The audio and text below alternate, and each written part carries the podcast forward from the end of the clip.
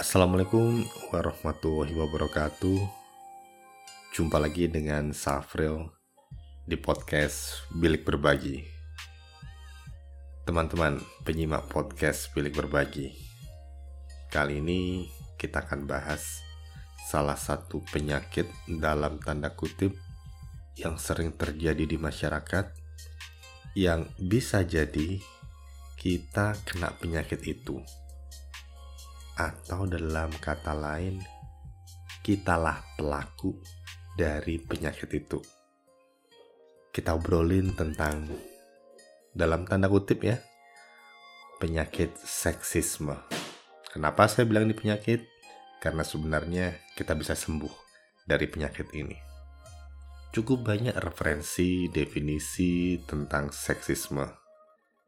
Tapi kalau kita bikin secara singkat dengan terjemahan bebas, seksisme adalah bentuk perilaku diskriminatif terhadap jenis kelamin atau gender tertentu yang tentu saja ini merupakan perilaku yang gak baik.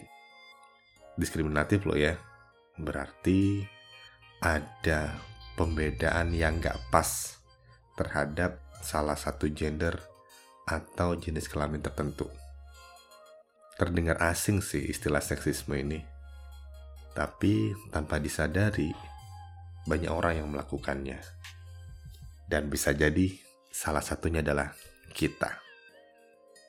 Kita coba lihat dulu beberapa seksisme yang terjadi di masyarakat. Dan terakhir, nanti kita akan lihat bagaimana cara kita untuk mengantisipasi terjadinya seksisme. Yang pertama, cewek lebih cocok jadi ibu rumah tangga aja daripada bekerja. Sering dengar ungkapan seperti itu? Oke, gini. Bagi saya pribadi, cewek bekerja itu adalah tambahan. Maksudnya apa? Tidak wajib tapi ada momen tertentu di mana cewek boleh saja bekerja, bukan wajib bekerja loh ya. Boleh saja bekerja untuk beberapa kondisi tertentu. Misal membantu perekonomian rumah tangga. Kedua, ya bisa jadi dia single mom, sehingga perlu untuk bekerja. Kalau nggak bekerja, nanti malah nggak dapat pemasukan.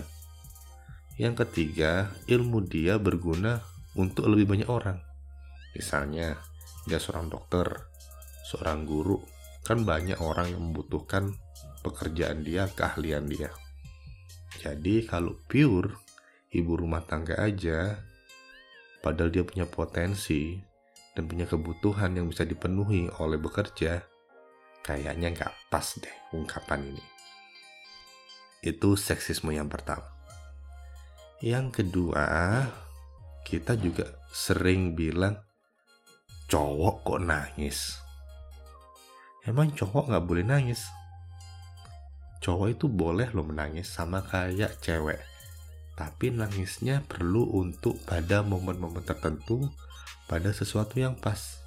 Jadi cowok maupun cewek boleh menangis asal pada momen tertentu atau situasi yang memang membolehkan atau memang pas untuk menangis.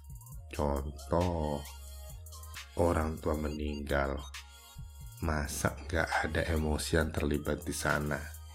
Kalaupun mau nangis, sah-sah wae. Kalau nggak ya nggak masalah. Tapi cowok atau cewek pada momen tersebut untuk menangis nggak masalah.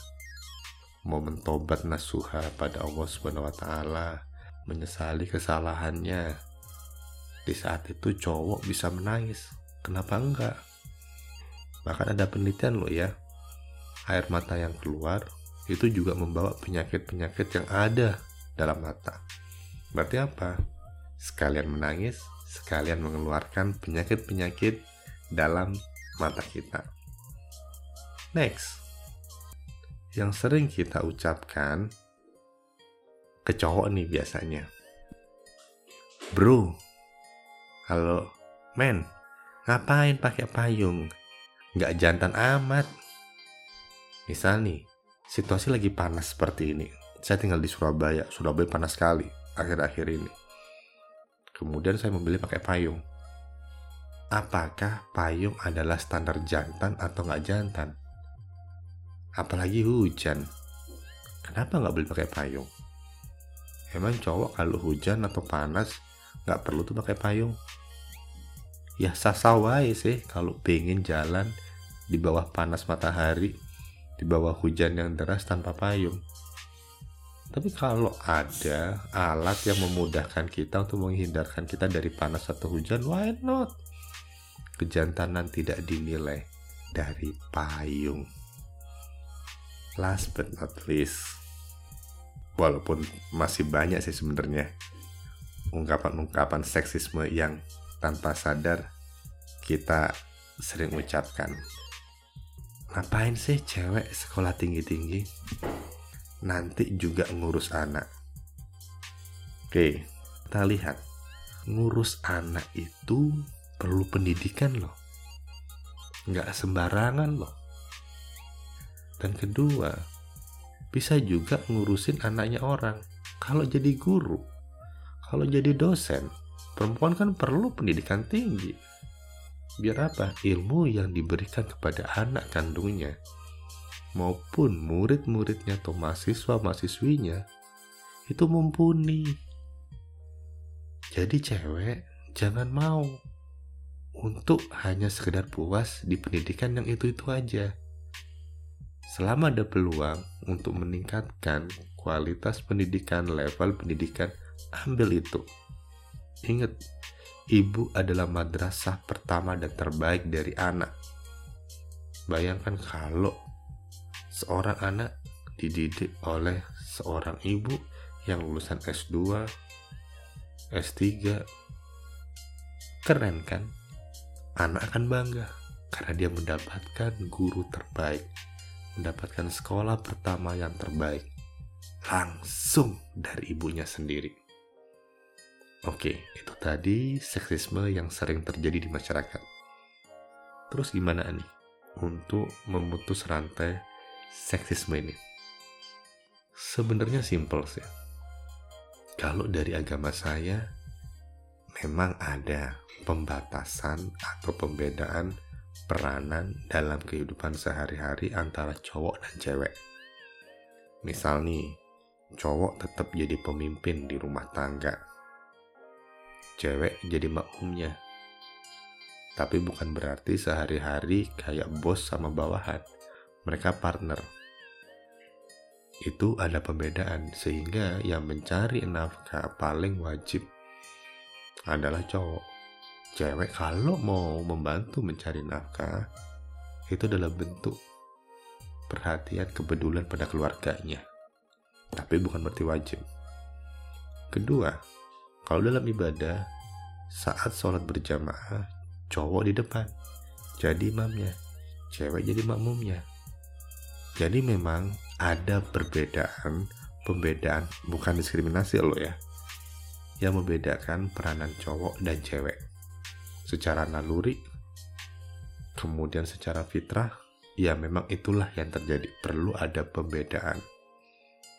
Namun, untuk hal-hal di luar itu yang tidak bertentangan dengan norma, yang tidak bertentangan dengan hukum, yang tidak bertentangan dengan agama, cowok dan cewek bisa melakukan atau tidak melakukan hal yang sama.